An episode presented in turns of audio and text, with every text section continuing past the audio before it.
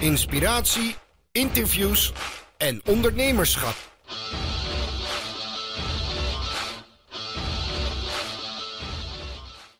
Daniel, welkom. Uh, Welkom in de show. Leuk dat je uh, mee wilt doen en dat je met mij wilt sparren over, uh, over online marketing. Dat is in essentie waar, waar deze show altijd over gaat. Ja. Ehm, ik, heb wat, ik kende jou nog niet voordat ik je boek tegenkwam. En toen ik research ben gaan doen over waar je allemaal wel niet achter zit, was ik daar heel erg verbaasd over. Oh, oké. Want je bedrijven, de bedrijven waarin je betrokken bent, die ken ik natuurlijk wel allemaal. Mm -hmm. In ieder geval een aantal daarvan. Ja, oké. Okay. Um, maar voor, zonder heel vaag te blijven, Daniel, kun je jezelf even kort voorstellen aan ons publiek? Wie ben je en wat is je achtergrond? Uh, ja, nou, ik ben Daniel Marcus. Ik ben uh, oprichter van Click Value. Uh, dat heb ik in 2003 opgericht uh, als web analytics bureau. Um, en tot 2017 uh, heb ik dat gerund samen met natuurlijk een paar andere mensen. En in 2017 zijn we gefuseerd met NetProfiler tot de Level Up Group. En, um, en, en daarin zijn we een, dat, dat is een, een, groep inmiddels van vijf bureaus, waar ClickValue en NetProfiler nog steeds onderdeel van uitmaken. Um, en wij zorgen eigenlijk voor online marketing, dienstverlening voor ja, groot MKB en corporates. Ja. Die uh, allemaal in Nederland gevestigd zijn, maar vaak wel internationale ambities hebben. Ja, ja. En um, nou ja, dat, uh, dat is dat, zeg maar het verhaal van mijn bedrijven. Mijn, uh, ik ben zelf eigenlijk altijd actief gebleven als webanalist. Ik vind dat namelijk het mooiste wat er is. Ik heb altijd ontzettend laten drijven door ja, groei. Uh, maar dat dacht ik ook van ja, hoe, hoe, groter de opdrachtgevers zijn, hoe mooier de datasets. Dus um, dat, dat heeft me eigenlijk gebracht waar ik nu ben. Um, en en, en we hebben dus klanten met echt de meest fantastische datasets. En um, nou ja, daar, uh, daar, daar geniet ik enorm van. Uh, binnen de groep heb ik verantwoordelijkheid voor innovatie en groei van accounts. En nou, dat is ook waar het boek uit is voortgekomen. Ja, dat, je maakt gelijk uh, het mooie bruggetje. Voor de mensen op, uh, die op YouTube kijken, zal ik het boek even laten zien. Digital Marketing Pinball. Um, ik heb hem nog niet helemaal kunnen lezen, omdat de tijd me heeft ontbeerd. Maar ik ben wel ongeveer op de helft. Uh, wat ik sowieso wil zeggen hierover is, koop het boek. Want het is nu al het meest onderschatte marketingboek van 2019. Nu al? Ja, dat zeg ik. Ja, het is op het moment van opname eind februari. Ik zeg dat met een reden.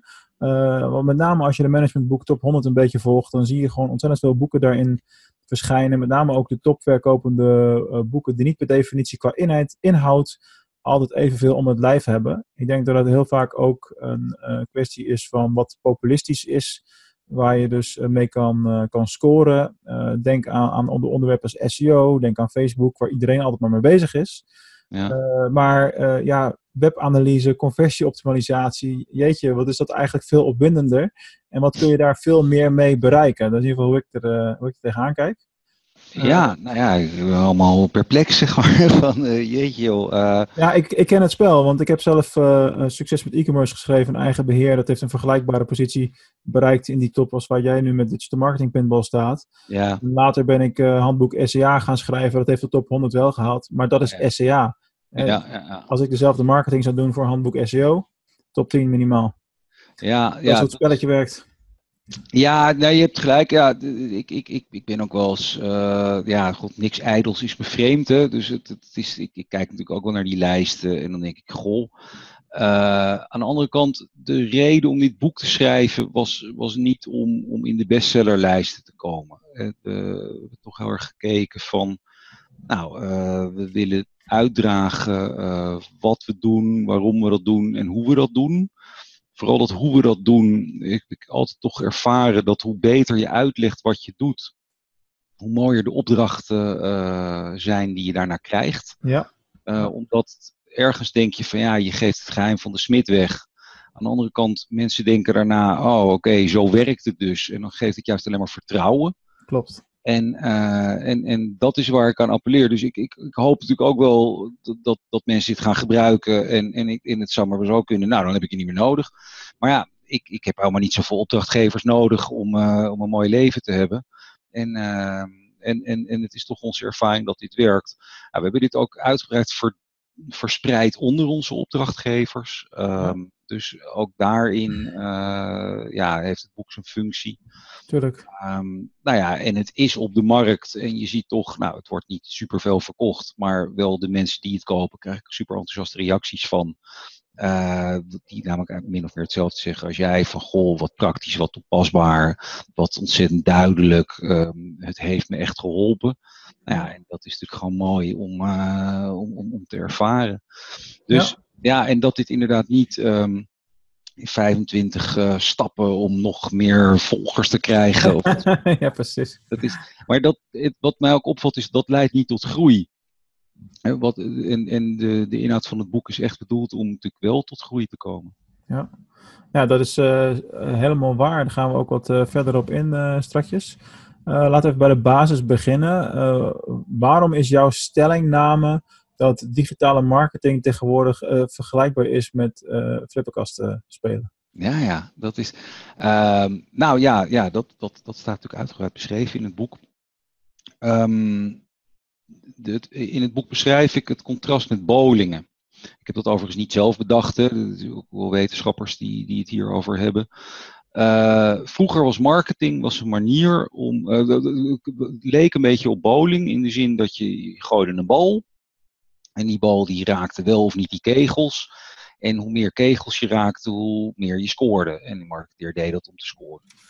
Uh, als je niet goed gooide, dan ging je beter mikken beter targeten, je doelgroep beter in kaart brengen en er dan op mikken.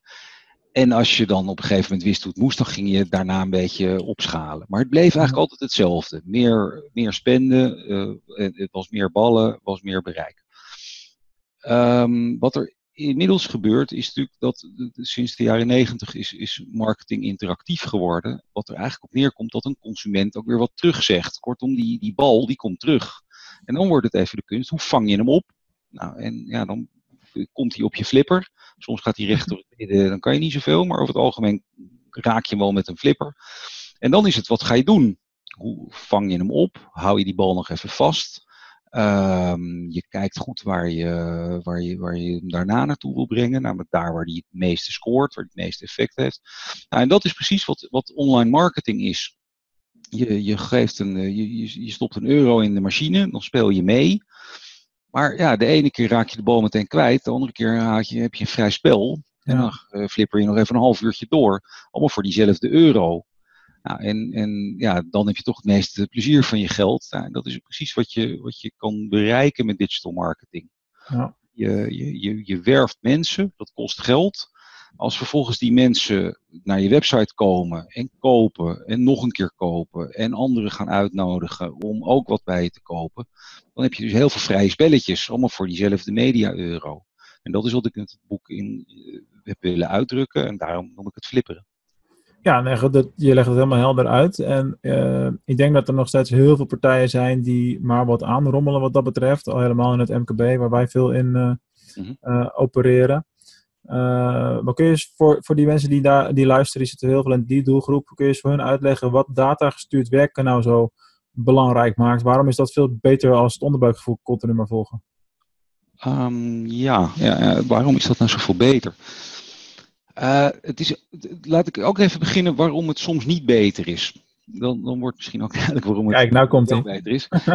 is. Je moet je voorstellen, de, de meeste, zeker in het MKB, zitten mensen die hebben natuurlijk toch een fantastisch idee gehad. Er is een gat in de markt hebben ze gezien. Of een, en daar zijn, en dat, dat gat hebben ze opgevuld door een product of een dienst te gaan aanbieden. En, um, en dan gaat dat lopen. Nou, en dat is mooi. Hè? Dat, dat is een, een ongelooflijk uh, belangrijk ingrediënt van succes. Dat, dat je propositie klopt, dat er een product market fit is, om het maar even in marketingtermen te brengen. Ja. Maar als je daarna wil doorgroeien, dan, dan krijg je te maken met concurrentie. En dan komen er ook weer heel veel besluiten die je moet gaan nemen. En dan is het even maar de vraag van, ja, kan je dan nog blijven vertrouwen op die onderbuik? Of heeft het toch soms ook wel zin om gewoon even te kijken naar wat feiten?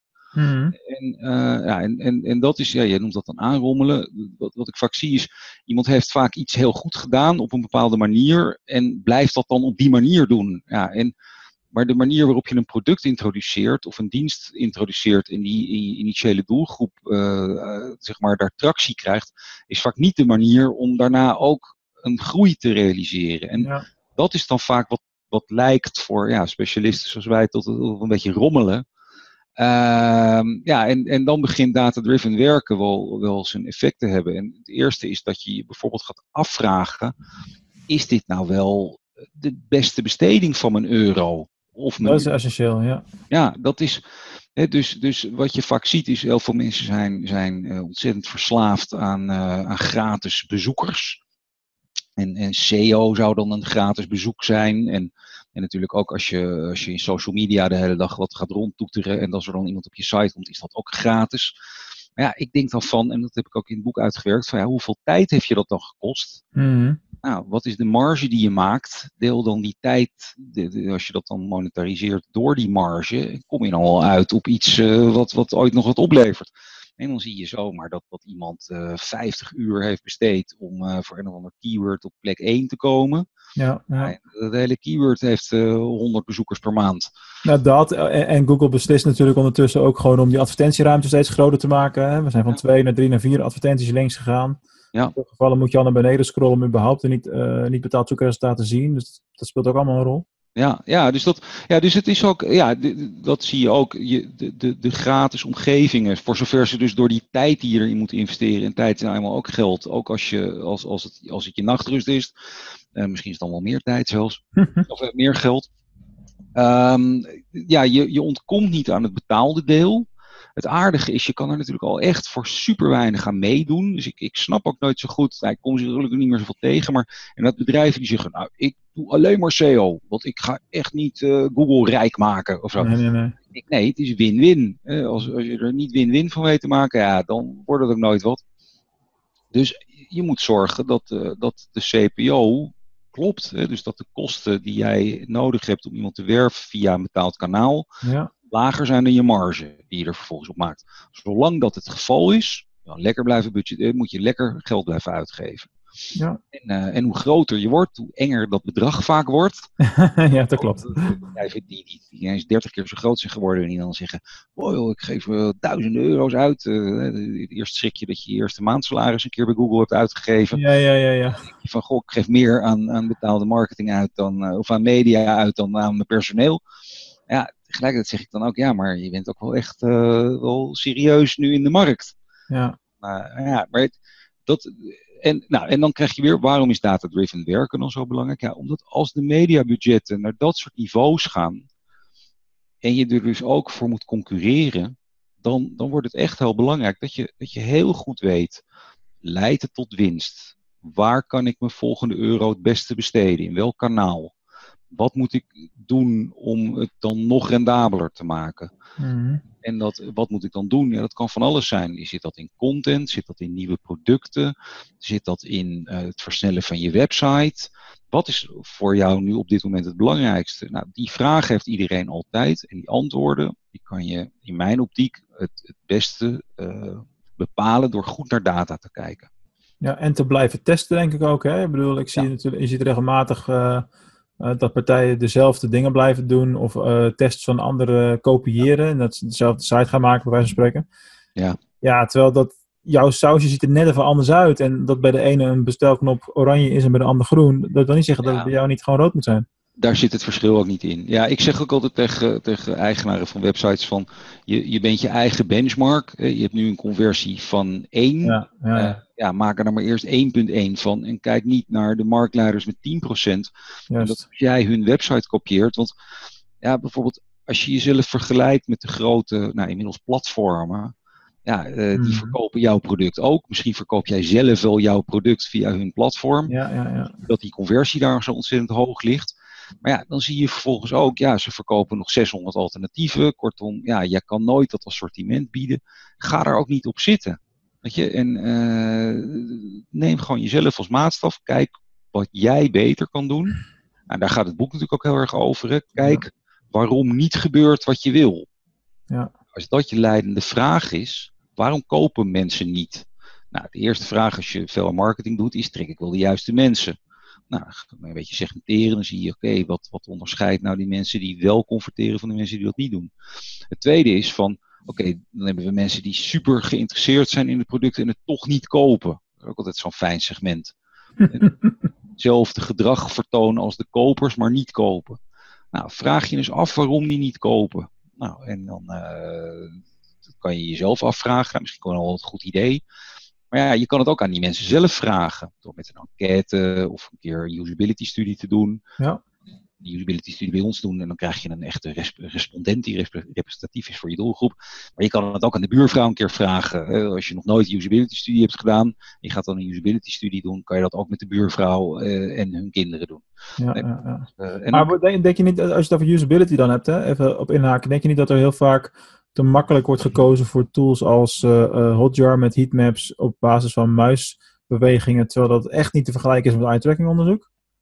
Ja, maar ik vind dat de maturity iets. Hè? Dus kijk, als je niks doet en je gaat iets doen, dan maakt dat het. Is al, ja, ja, oké, dat is zo. Ja. Als, je, als je nou al een jaar hotjar-analyses doet en ja, uh, ja, je hebt alle, al het laaghangend fruit geïdentificeerd en geplukt, ja, dan ja. begint eye-tracking wel zin te hebben. Om te beginnen met eye-tracking of, of met mensen helemaal volhangen met elektrodes en dan te kijken of de, de amygdala wat doet. Ja. Ik weet nog dat wij dat wij, eh, ik heb ooit bij Read View gewerkt uh, met de Nationale Tijdschriftenbonden, GSM Plaza en dat soort merken. Ja. En in 2006 of 2007 deden wij dat soort onderzoeken al. Dat was toen net een beetje dat het kon. Mm -hmm. Volgens mij is toen uh, dan inmiddels jouw compagnon, als ik me niet vergis, Frans van ja. Netprovider, die is toen nog bij ons in Doetinchem geweest. En ja. toen, toen was Google Analytics nog niet eens uh, het, de keuze per definitie. Toen hadden we nog een uh, vergelijkend warenonderzoek tussen de verschillende web analytics pakketten. Dan moet je nagaan waar we vandaan komen en ja. uh, wat voor een geld daar toen in ging zitten. Dat ging echt om serieuze bedragen, ook voor die web analytics pakketten. Ja. En wat voor een tools eigenlijk iedereen nu gratis tot zijn beschikking al heeft. Ja. En hoeveel je daar al mee kan. Er wordt belangen naar niet uitgehaald wat erin zit. Mm -hmm. ja, ja, dat is ongelooflijk. Dat is, ja, het, dit is ook een van de dingen die, die je constant ziet. Een, iets wat vroeger geld kostte, dat, dat ja, kost steeds minder. En op een gegeven moment wordt het gratis. En je ziet dat ook in, in online marketing. Uh, of eigenlijk in marketing als geheel. Kijk, vroeger was adverteren was, was onbetaalbaar. Mm. Uh, toegang tot de, tot de media was, was, kon niet zonder intermediair. Ja. Daar zijn mediabureaus allemaal heel groot van geworden. Uh, Google heeft dat gedemocratiseerd. Nou, en als je kijkt wat een, een, een heel heftig media management pakket inmiddels kost, namelijk wat AdWords is, ja. is nul. Weet je, dat is. Uh, dat, hetzelfde geldt voor de datazijde. Uh, het meten van, van media-effectiviteit vroeger was onbetaalbaar. Had je panels voor nodig en, en kastjes en uh, toestanden. Nu kost het niks. En uh, nou ja, de, de, daarom gebruikt iedereen dat. En je ziet als je Google Analytics vergelijkt nu met, met de tools inderdaad van tien jaar geleden, zoals Omniture of Coremetrics. Ja, dat is ja, ja, inderdaad. Uh, nou, hetzelfde zie je in de experimenteeromgevingen. Uh, in 2006 begonnen tools als Touch Clarity en Memetrics te komen. Nou, onder de 20.000 euro in de maand kwamen die partijen niet eens met je praten. je, uh, Google uh, Experiments uh, ja, kost gewoon niks. Ja, en nu hebben die partijen geen bestaansrecht meer, of hopelijk doen ze wat anders. Ja, precies. Weet je? En, en, en partijen als VWO en Optimizely domineren natuurlijk gewoon die markten. Ja, maar dat blijft, dat blijft ook continu in beweging en dat gaat ook vrij, vrij snel. Ja. Je, je stipte het net al even aan, maar de ontwikkeling die je nu ziet is dat er steeds meer binnen e-commerce de discussie is van moet ik, als ik nu begin, moet ik dan nog een webwinkel openen of zal ik gewoon gelijk naar Bol en Amazon en de platformen gaan? En uh, een heel ander spel wordt er nu gespeeld, wat onwijs veel kansen biedt voor nieuwe toetreders trouwens. Ja, ja want, want de, de kosten om toe te treden worden natuurlijk steeds lager. Dat ja. klopt. En dat is ook heel bedreigend. En het wordt interessant. Ja, het, uh, ik, ik, ik ben heel benieuwd. Ja, toch? Ja, Kijk, ja. um, Want, als je naar online marketingbureaus kijkt, hè, uh, wat jij ook beschrijft, is dat de bureaus vaak niet de waardeverhoging bij hun klanten als uh, prioriteit uh, nemen, mm-hmm. maar zich te veel richten op het binnenhalen van nieuw, nieuw bezoek, zeg maar. Ja. Waar komt dat, denk je, door? Ja, ik denk uit traditie. Oké. Je hebt, je hebt, eh, er zijn, en die traditie zit op heel veel plekken. Ik bedoel, je ziet natuurlijk eh, online marketing, in, voor zover het in opleidingen voorkomt, eh, Ja. wordt het nog heel vaak eh, gezien als traffic. Dus Ja. er zijn nu HBO's en daar ben je dan AdWords certified als je er vanaf komt. Nou Ja. dat zegt al genoeg. En die mensen zijn niet gecertificeerd in CRO of zo, voor zover dat dan kan. Nee. Dat, dat leren mensen nog niet. Een tweede ding is, ehm, veel bureaus ehm, ont- die zijn ontstaan uit iets en blijven dat dan doen. En je ziet bureaus die, die zijn voortgekomen uit bouwpartijen. Eh, er zijn bureaus die zijn voortgekomen uit mediabureaus. Er zijn bureaus die zijn voortgekomen uit e-mail. eh, er zijn bureaus die voortgekomen uit AdWords. Er zijn bureaus voortgekomen uit analytics. En je ziet dat dat, dat DNA altijd wel een beetje blijft. Het is heel moeilijk, dat ervaren wij ook, dat- om jezelf opnieuw uit te vinden. En we hebben dat dan wel opgelost door gewoon een heel nieuw label te starten. Dus dat, dat is een van de, en dat hebben we ook vrij bewust gedaan, omdat we zien dat het super moeilijk is om je oude trucs af te leren. Nou, Ja. En de meeste bureaus worden natuurlijk gewoon ingehuurd toch voor traffic. En Ja. ook, eh, wat, ja, dat, dat, en, en, en dat is misschien, hè, ik had het net al over traditie in online marketing, maar ook de traditie in marketing. Ja, marketing is, is niks anders dan gewoon ja, aandacht vragen bij grote groepen mensen. En vroeger was data-driven dan in GRP's denken of zoiets. Mhm, mhm. Eh, dat, dat ging ook over bereik. Ja, en daar begon het allemaal. Ja, dat, en en dat, dat, dat is nu veel genuanceerder. Dus, dus bijvoorbeeld starten bij de content of starten bij de customer experience of dat soort dingen. Dat is nog best wel moeilijk voor partijen. Andersom zie je het ook. Hè, dat ik, ik zie de, de partijen die zijn begonnen als CRO-bureau, die vinden het heel moeilijk om in kost per order te denken. Maar ik vind dat zo vreemd, want eh, als ik heel eventjes onszelf als voorbeeld eh, mag nemen. Mhm. Wij hebben juist eh, de focus op twee dingen altijd tegelijkertijd. Wij, wij, zijn dan vanuit SCA het sterkst en zijn daar het meest in actief.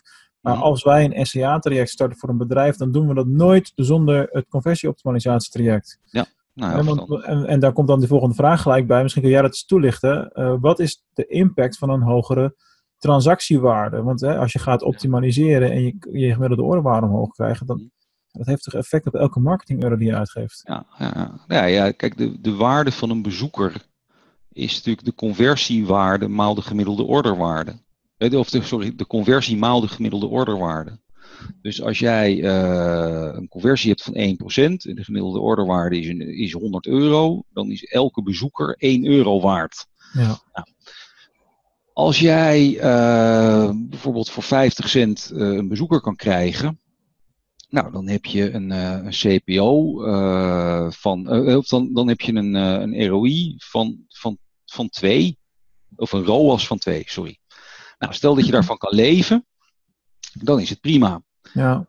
Maar het aardige is, als jij de conversie weet te verdubbelen, nou, dan, eh, dan gaat hij dus van 1 naar 2 procent. Dus dan wordt elke bezoeker 2 euro waard. En aangezien het 50 cent was, ga je, gaat je ROAS dan ineens naar 4. Maar je kan natuurlijk net zo goed de average order value eh, verhogen. Hè, want of ik nou de, de, de, de conversie van 1 naar 2 breng, of de average order value van 100 naar 200, ja, komt het op hetzelfde uit. Impact, ja. ja. en dat is iets wat veel organisaties zich niet realiseren. En nou, jullie gelukkig wel, hè? want bij conversieoptimalisatie, ja, je kan ook op de conversie richten, maar je kan natuurlijk ook op de waarde per bezoek richten. Ja. Dan neem je dus average order value vanzelf mee. Maar nog een stap verder kan je natuurlijk op lifetime value richten. Hè? Want je kan een conversieratio maal het aantal conversies wat iemand daarna nog doet. Mhm. Dat de retentieratio, die kan je ook meenemen. Ja. En- wat, voor, wa- wat voor verschillen zie je tussen eh, producten waarbij eh, het echt heel vaak gaat om eenmalige aankoop? Neem bijvoorbeeld meubels als voorbeeld. Ja. Of eh, webwinkels die producten verkopen met veel herhalingsaankopen. Pak een beetje de shampootjes en zo. Ja. Nou ja, daar zie ik enorme verschillen tussen. Dat is, maar je, je ziet, wa- want, want je ziet in, een, in, een, eh, in, het, in, het, in de woon, het woonsegment, daar zie je inderdaad dat retentie heel moeilijk is. Ja. Eigenlijk bijna alle retentie die we zien bij onze woonsegmentklanten, zien we altijd dat dat een business-to-business eh, kanaal Hè, dan, dan verkoopt iemand iets en dan denken ze, hé, hey, dit zijn klanten die wel terugkomen. Nou, dan kijk je eens naar het e-mailadres en dan zie je, oh, oh, dat is geen, eh, oh, dat is gewoon eh XYZ-winkel. ja, ja, ja. wat, waar, waar we al fantastische dingen hebben meegemaakt. Mensen die dachten, ah, retentie is niks voor ons, dachten we, nee, je moet ook een business-to-business kanaal erbij openen. Dan uh, ga je nog eens wat meemaken. Um, in het segment waar herhaal aankopen wel een rol spelen, inderdaad de shampootjes en de, de printer supplies en uh, we, we ja. Food en zo. En ook uh, fashion. Uh, kan altijd een paar schoenen bij voor de meeste vrouwen. um, daar um, zien we dat het heel gesegmenteerd is. Je ziet dat er kampioenen zijn. Die, uh, het, het, gebeurt echt heel vaak dat, dat 10, 20 procent van de mensen in het klantbestand tot 50, 60 procent van de omzet.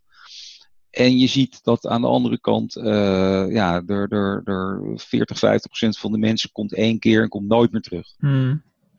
Het, dat inzicht, dat, daar, daar kan je ongelooflijk veel mee doen. Dus we zien, uh, dus enerzijds, ja, er zijn dus branches waar, waar retentie, ja, de, begin er gewoon niet eens aan. is echt niet de moeite waard. Tenzij je heel groot bent, dan is er business-to-business -business opportunity.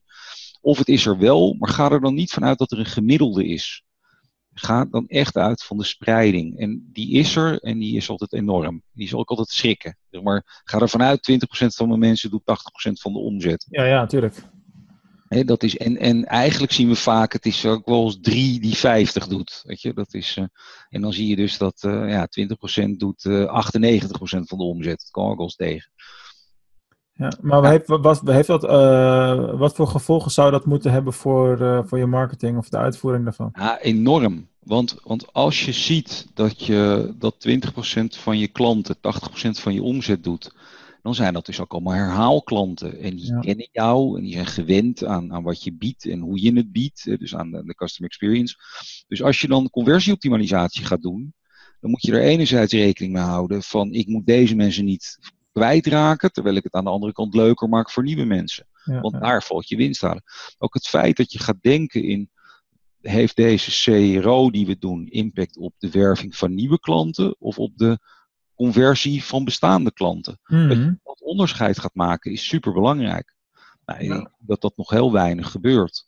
Dat, dat mensen toch denken, nee, mijn conversie is 3% en uh, nou, daar ga ik het op doen. Nou, ik spreek in het boek ook een case waar, waarin ik laat zien van ja, de conversie is 3%, maar uh, ja, hij is 13% onder die 20% die bijna alles bij je koopt. En hij is 0,2% bij uh, al die ja. nieuwe bezoekers. Ja. En uh, ja, wat ga je dan optimaliseren? Ga je die, die van elke duizend zijn er dus 800 waarvan er maar 1,6 converteert. Nou, daar valt meer winst te halen dan bij die 20 andere of, of 200 andere mensen, waarvan er 46 converteren. Nee, maar laten we dat, laten we dat eens en Janneke maken. Hè? Dus uh, dit is een, heel, is een heel waardevol inzicht. Maar wat doe je dan concreet op een pagina? Want uh, je serveert één pagina aan beide doelgroepen. Ja, en nou, je kan je afvragen, moeten we dat blijven doen? Hè? Mm-hmm. Natuurlijk nu tegenwoordig ook met, met een paar leveranciers hele betaalbare personalisatie. Ja. En, en een hele simpele. Dus, dus dit is een van de redenen waarom je wat met personalisatie zou kunnen doen. Ja, ja. Dus, dus dat is één ding. Maar, maar dan nog, het gemiddelde. Vraag je af wat, waar, waar de pijn zit. Dus, dus in dat voorbeeld dat ik in het boek beschrijf, laat ik bijvoorbeeld zien dat de, de pijn voor die nieuwe bezoeker zit op plekken waar nieuwe bezoekers wel vaker pijn hebben. Bij ik ken jou niet, ik heb nog geen ervaring met je. Ja, ja. Uh, uh, hoe, hoe, zijn jouw condities die ik belangrijk vind? Namelijk, uh, wat als die dingen niet doet of wat als het niet snel geleverd wordt? Werk jij met, nou laat ik ze maar noemen, GLS? Dat vind ik een partij waar ik liever geen zaken mee doe. Want dan moet ik altijd naar allemaal hele lullige afhaalpunten ja, ja, ja. thuis ben. Terwijl ja, de wat grotere beursgenoteerde postleveranciers het gewoon wel netjes bij de buren afleveren. Ja, en, um, ja, dat, dat soort dingen. He, dus, en dan ga je kijken, wat is daar de impact van? Bij de ene, de, de ene soort klant is heel erg uh, betrokken bij reviews. De, de andere, de, de, nieuwe klant zal wat gevoeliger zijn voor reviews. Zo. Die, die bestaande klant, ja, die kent jou al, dus die kijkt niet meer naar die reviews. Sterker nog, die heeft misschien zelf al een review achtergelaten. Nou, dus dat soort dingen. Als je zo gaat kijken, ja, dan, dan, dan zie je ineens hele andere groeikansen op je site. Ja. Kijken vanuit de bril van iemand die jou nog niet kent. Is heel anders. Ja, is heel anders dan kijken vanuit de bril van iemand die ja, misschien al tien keer bij heeft gekocht. Ja. Ja, hele uh, waardevolle. Ik denk dat het voor heel veel bedrijven nog wel een beetje ver van het bedshow is om zo ver al te gaan. Ik ja, weet het niet. implementatie. Ja? Nee, nou, kijk, maar implementatie is het moeilijk. Dat, dat ben ik met je eens. Aan de andere kant, er, er zijn natuurlijk leveranciers die gewoon plug-and-play uh, personalisatie hebben op dit vlak. Maar um, wat het feit dat je je, je conversie daar wel op richt. Mm Ook, we hadden het net over van ja, MKB'ers. Als een MKB'er een goed idee had en hij is in business en hij komt op het niveau dat hij onze klant zou willen worden. Want, ja, we moeten ook leven, dus je moet dan toch een beetje omvang hebben. Want anders kunnen we onszelf gewoon niet terugverdienen. Maar als iemand daar al is, dan, dan is al gauw ook dit probleem er. Van hoe krijgen we ja. klanten en hoe zorgen we dat onze bestaande klanten wat meer gaan besteden? Nou, maar dat is echt een top-of-mind issue bij jullie uh, en jullie type bureau natuurlijk. Hm. Uh, al van oudsher. En uh, bij, bij de meeste online marketingbureaus komt dit misschien als derde of vierde onderwerp een keer te sprake.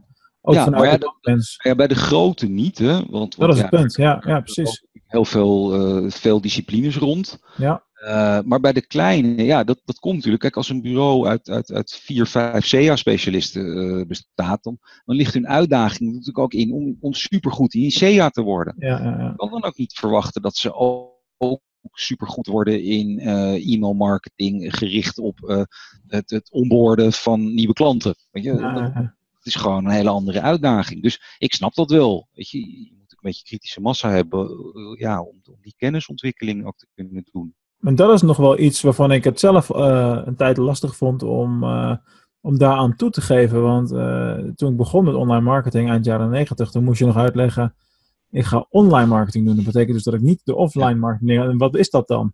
Ja. Inmiddels hebben we natuurlijk binnen ons vakgebied ook alweer al die verschillende specialismen. Mm -hmm. Ja, ja, dat is. Uh, ja, ja, ja dit, dit, dit is natuurlijk. De, ik, ik maak zelf als de vergelijking met het aantal kanalen wat je hebt. Dus nou. Vroeger had je, je had marketing, je had ook direct marketing. Nou, je had ook zes kanalen waar marketing op plaats kon vinden.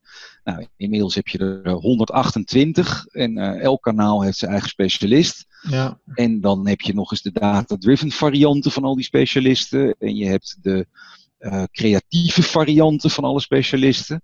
Uh, ja, kortom, de, die proliferatie, zoals dat zo mooi heet binnen marketing, die je met de kanalen hebt, die heb je ook binnen het vakgebied zelf. Ja. En dat, uh, ja, dat, dat, dat is grappig om te zien. Ja. En, uh, en, en ook de veroudering van kennis gaat enorm snel. Hè? Dat, dat is ook wat je ermee krijgt. Iets wat ja. tien jaar geleden cutting edge was, dat, dat is nu iets wat of een machine doet of wat een stagiaire uh, voor, voor drie tientjes per uur kan doen. En dat, dat is onvoorstelbaar hoe snel dat gaat. Klopt, klopt. Een van de laatste tips die uh, in je boek uh, naar voren komt, vond ik een hele aparte. misschien kan je me even toelichten. Waarom moeten wij allemaal als marketeers ons Google Analytics en andere tools op Engels instellen?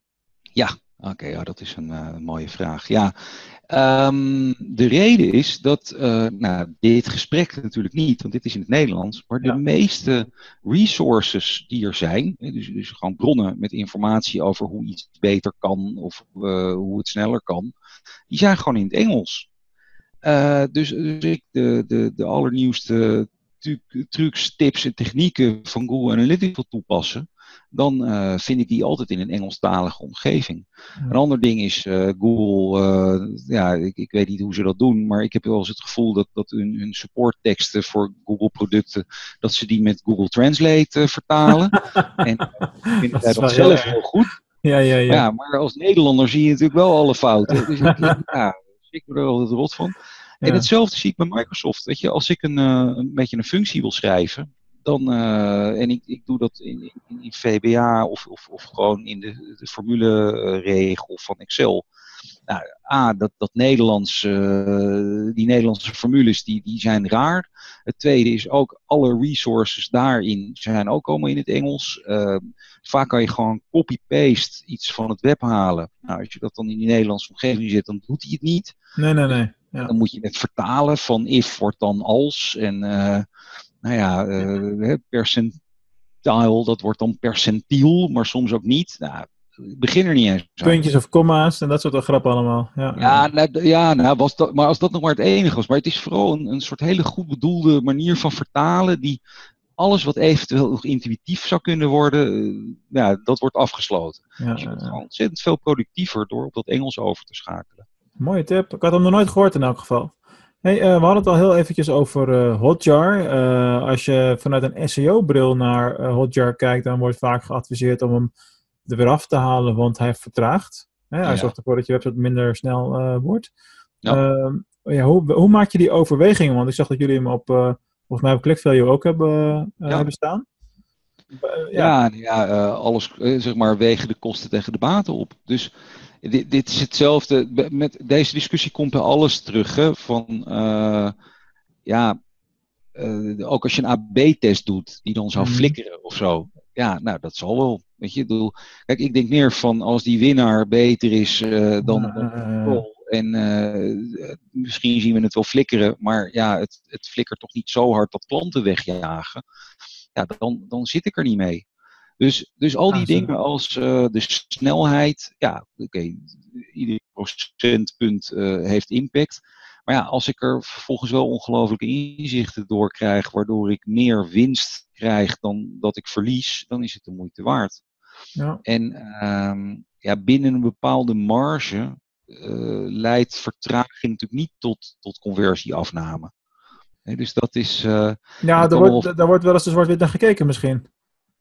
Ja, dat is ja, of, of, of de deterministische van er is alsof er maar één ding is. Terwijl, ja, eh, maar als, als bijvoorbeeld je ook gewoon super slechte prijzen hebt en eh, je afbeeldingen niet deugen en Ja, je ja, ja. ongelooflijk veel doen, nou ja, dan, dan kan die snelheid er ook nog wel bij. Weet je? Dat is, dus ik, ik vind het, ik, het argument geldt wel, en, en, maar is het een voldoende argument om dan maar niet Hotjar te gebruiken? Nou, dat vind ik niet.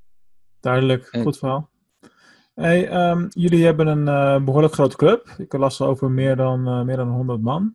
Eh, een van de uitdagingen die we in ieder geval in ons deel van het land, in Venlo, zien is Mm. een chronisch gebrek aan goed opgeleide mensen. Ja. Hoe tackelen jullie, jullie dat probleem? Want jullie zullen ook continu mensen nodig hebben, neem ik aan. Ja, ja nee, dit is ook een enorm probleem. Wat we ten eerste doen is eh, behoud van mensen. Dus eh, we, we proberen echt eh, een super, super fijne werkgever te zijn. Waardoor eh, mensen die hier beginnen ja, gewoon lang blijven. Ja. En dat, daar ben ik ook heel trots op. Er zijn mensen die werken hier al tien jaar en dat is er niet maar één of zo. Dus dat is, dat is heel bijzonder. Ehm, een tweede ding wat we doen is, we hebben hele goede banden met opleidingsinstituten. Dus er zijn mensen hier, eh, ja, we, we zitten natuurlijk tussen twee hogescholen en twee universiteiten in en we zijn super goed bereikbaar. Ja. Eh, dus, dus mensen uit, eh, dus we zitten zelf in Amsterdam, ehm, maar ook Utrecht, Rotterdam, Leiden, Delft. Dat is natuurlijk allemaal toch redelijk dichtbij. Dus we kunnen jonge mensen kunnen we wat aanbieden. En vervolgens, omdat het hier zo fijn is, blijven ze hangen. We hebben ook, echt mensen die, die eh, maar als stagiaires zijn begonnen en nu een senior positie hebben. Ja, ja, ja. Dat, dat is een van de dingen die we doen. Ehm, we, we focussen ons ook echt op eh, medewerkers. Dus in de zin dat, ehm, ja, het klinkt een beetje gek om te zeggen, maar medewerkers zijn inmiddels in onze branche belangrijker dan klanten. En, Ja, dat eh, snap ik wel. Dat snap ik ja. wel. Er is altijd genoeg werk op te halen, maar je hebt lang niet altijd genoeg mensen om het op een goede manier uit te voeren. Ja, dus dat, ja, dus dat leidt er ook toe dat we best wel streng zijn naar klanten. En, want medewerkers willen zich ontwikkelen, willen uitdagende opdrachten hebben. Eh, je mag echt wel kritisch zijn en veel eisend als klanten, maar, maar we hebben wel eens klanten die zijn te onredelijk. Ja. Gebeurt het wel eens, ja, dat dan, eh, nou ja, medewerker first. Ja, en dat heeft zelfs een klant gekost en die dat zelf misschien niet zo wilde. Dus dat, eh, maar dan, dan, dan is het echt heel duidelijk waar de prioriteit ligt. En dat, dat is nu, ja, doen we, doe je dat sneller als ondernemer dan eh, ja, een jaar of eh, acht geleden. Toen was het echt wel omgekeerd. Maar ja, dat, dat is nu voorbij. En je moet wel, zeg maar voor de continuïteit van onze organisaties zijn medewerkers eigenlijk nog belangrijker dan klanten. Ja, en dat, en we merken ook, op, we, zien ook begrip daarvoor klanten, want, want zij hebben het zelf ook. Zeg maar, Ja, zeker onze ja. wat grotere klanten proberen natuurlijk ook teams eh, op te bouwen en, en bij elkaar te houden. En dat is Ja. een enorme uitdaging. Dus, dus dat is de oplossing. Nou, dan hebben we het opleidingdeel. Ja, eh, nou, we hebben genoeg mooie opdrachten. Dus Dus mensen ja, kunnen op alle niveaus kunnen ze, dingen doen. En wat we ook heel erg veel doen, is we proberen mensen een, een traject te bieden als je zij instromer wil zijn. Dus een beetje analoog aan, aan hoe het onderwijs dat ook doet al ergens werkt en je denkt, nou, ik wil een carrière in online marketing, maar je werkt bijvoorbeeld al vijf jaar, daar uh, nou, hebben we gewoon wel onze, onze aanpak voor. En eigenlijk kunnen we je die, die online marketing skills vrij makkelijk leren. Uh, en vervolgens kan je dan al vrij snel weer terugkomen op het niveau waarop je al actief was. En dan uh, nou ja, kan je ook heel succesvol Slim, ja. Ja, dus dat is, en, en, en eigenlijk ja, uit alle uit al die bronnen, nou ja, kunnen we groeien. Maar ja, ja, ja. het is voor ons ook moeilijk. Dat is, uh, en ook hier, ja, als er iemand kijkt die denkt, nou, um, we hebben goede lunch, lekkere koffie, uh, heel gezellig, uh, nou, enzovoort. Ja, ja dat... Zit je in een andere regio, zeg ik dan maar. Huh? Ja, nou ja, een van onze medewerkers verhuist nu naar Venlo. Dus het is. nou, dan kunnen we nog mooi in het nagesprek wat over vertellen dan. Ja, ja hey, is, we, we, zijn er bijna. Uh, ik heb nog twee vragen voor je. De eerste is, uh, hoe is het eigenlijk ontstaan dat jullie nu de Level Up groep hebben? Want het, het is een best wel logische samensmelting van bedrijven, maar ja. iemand moet ooit op dat idee zijn gekomen. om te fuseren? Ja. Ja, ja, ja. Nou ja, Frans kwam uit Amstelveen, ik kwam uit Amsterdam. we kenden elkaar al vanaf het moment dat we startten. Uh, we deden natuurlijk min of meer hetzelfde. Er, er was ja. natuurlijk een tijd dat er misschien drie web analytics uh, mensen in Nederland waren. En daar waren wij er twee van. Ja, inderdaad. En ja, dus dat we elkaar moesten leren kennen, dat was evident. Ja, en dat je altijd ja, eerst was het natuurlijk ja, keep your friends close and keep your enemies closer. Dat, ik denk dat we dat allebei hadden. Mooi. En dat, ja, en, dat was ook wel geestig altijd. Maar ja, en op een gegeven moment deed de mogelijkheid zich gewoon voor. Ik, ik denk dat, dat zie je wel vaker bij organisaties, dat de mensen die het opstarten zijn vaak niet de mensen die, die het meest geschikt zijn om het groot te maken. Mm Frans is toch ook iemand die, die heel inhoudelijk is en, uh, en misschien uh, nou, niet primair zijn passie heeft liggen bij management. Ja, ja, natuurlijk. En, maar, dat, bij, bij het ja. Precies, en, en, bij hem kan ik het alleen maar veronderstellen, want hij, hij zit uh, hier wel naast, maar ik kan het hem vragen. Maar voor mij geldt dat heel erg. Ik, ik heb uh, weinig management. Ik vind het ontzettend leuk om er tegenaan te bemoeien, maar ik ben er gewoon niet zo goed in. Hmm. En uh, ja, we, we, hebben een, een, een, partner, David, en die is daar ongelooflijk goed in. Die vindt het ook het mooiste wat er is. En we hebben gewoon ja, hem gevraagd of hij het geheel wil leiden. En dat doet hij fantastisch. En daardoor kon het. Want ik denk ook als, als Frans en ik het alleen zouden hebben moeten doen, die fusie, dan zou je gewoon een schip met twee kapiteins hebben gehad. Ja. Uh, ja. Nu is het toch dat, uh, ja, ik ben stuurman en hij is navigator en, uh, en we hebben gewoon een kapitein. Weet je, dat, dat, is, dat is hoe we het dan hebben georganiseerd. Ja. En dat is ook geluk hebben, dat je een samenloop van omstandigheden, het elkaar gunnen. er, er, moet natuurlijk wel een basis zijn dat je elkaar gewoon leuk, aardig en, en elkaar ja, respecteert. Maar ja, dat was er altijd wel. Maar ja, en toen was gewoon het moment daar. En nou, een ander ding is, je zag toch, allebei zijn we generalistisch van, van aard. En de markt groeit natuurlijk als een gek. Hè? We hadden het net al over die specialismes die maar toenemen. Nou, we hebben altijd zoiets gehad van ja, we willen altijd toch het, het hele spectrum kunnen blijven aanbieden. En dan moet je gewoon groter worden. Mm-hmm. We zagen ook, we hebben grote klanten die internationaal actief zijn, hè, zoals Adidas, Harman Kardon, dat soort partijen. En dan kan je niet het, het, het, kleine bureautje op de hoek zijn als je vervolgens een EMEA-campagne uh, in, in 14 talen wil doen. Dus ja, ook daarvoor moesten we schaalgrootte hebben. Uh, nou, dat opleidingsverhaal wat ik net vertelde. Om, om binnen al die disciplines die we onderkennen, uh, mensen te kunnen blijven aantrekken en houden. Er was schaal nodig. Ja, dus al dat soort dingen maken, gaven een soort reden om ermee door te gaan. Ja. En, uh, nou ja, en, en dan was het gewoon ook, ja, de juiste mensen waren. Dus dat is uh, de reden. Top, goed verhaal. Um, misschien kun je de volgende vraag, wat de afsluitende vraag is, ook uh, gebruiken in toekomstige sollicitatiegesprekken. Het is de vraag waar ik al meer dan drie jaar mee, mee afsluit. Daniel, wat zou jij doen met duizend pingpongballen? Uh, dat is een goede vraag. Ik zou ze. Het eerste wat me te binnen komt is. Ik zou een uh, telefoon uh, neerzetten. met de video aan, onderaan onze trap. En vervolgens die duizend pingpongballen de trap afgooien en daar dan een filmpje van maken. Dat, ja, precies. ja, dat, dat, ziet er dat ziet er geheid spectaculair uit. Ja, dat is. Geen enkele twijfel over. Ja, nee, ja dat, dat, is het eerste antwoord dat me te binnen schiet. Dat, uh... Leuk. Hey Daniel, okay, dankjewel. Is dat antwoord al eerder gegeven? Nee, zeker niet. Ja, wel iets vergelijkbaars. Iets in de richting van ik zou ze in de auto stoppen en dan filmen als degene instapt en dat soort dingen. Oké. Okay.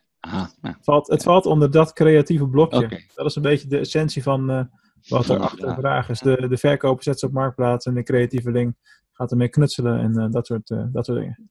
Nou, leuk vraag. Uh, leuk onderscheidend. Uh, Oké, okay, nou, ik zal naar wat meer filmpjes kijken. Kijk wat anderen hebben beantwoord. dat vind ik wel mooi. Top. Hey Daniel, dankjewel voor je ja. tijd, uh, voor het inspirerende ja, gesprek. mensen, ik zeg het nogmaals, koop dat boek, Digital Marketing Pinball. Ik krijg er geen commissie over, ik meen het oprecht. Het is inhoudelijk heel erg sterk. en ik wens jullie allemaal weer een mooie rest van de ochtend, middag of avond. Want dat, ik weet natuurlijk nooit wanneer je kijkt of luistert. tot de volgende keer. Okay. Hey Mark, super bedankt. Ik vond het hartstikke leuk om deel te nemen. En uh, nou, ik hoop dat veel mensen het gaan luisteren. Of hebben geluisterd, want dit is het einde. Als je, het, als je hier bent, heb je het Als je hier bent gekomen, dan uh, ben je die hard. Oké, okay. hey, hartstikke mooi. Dankjewel.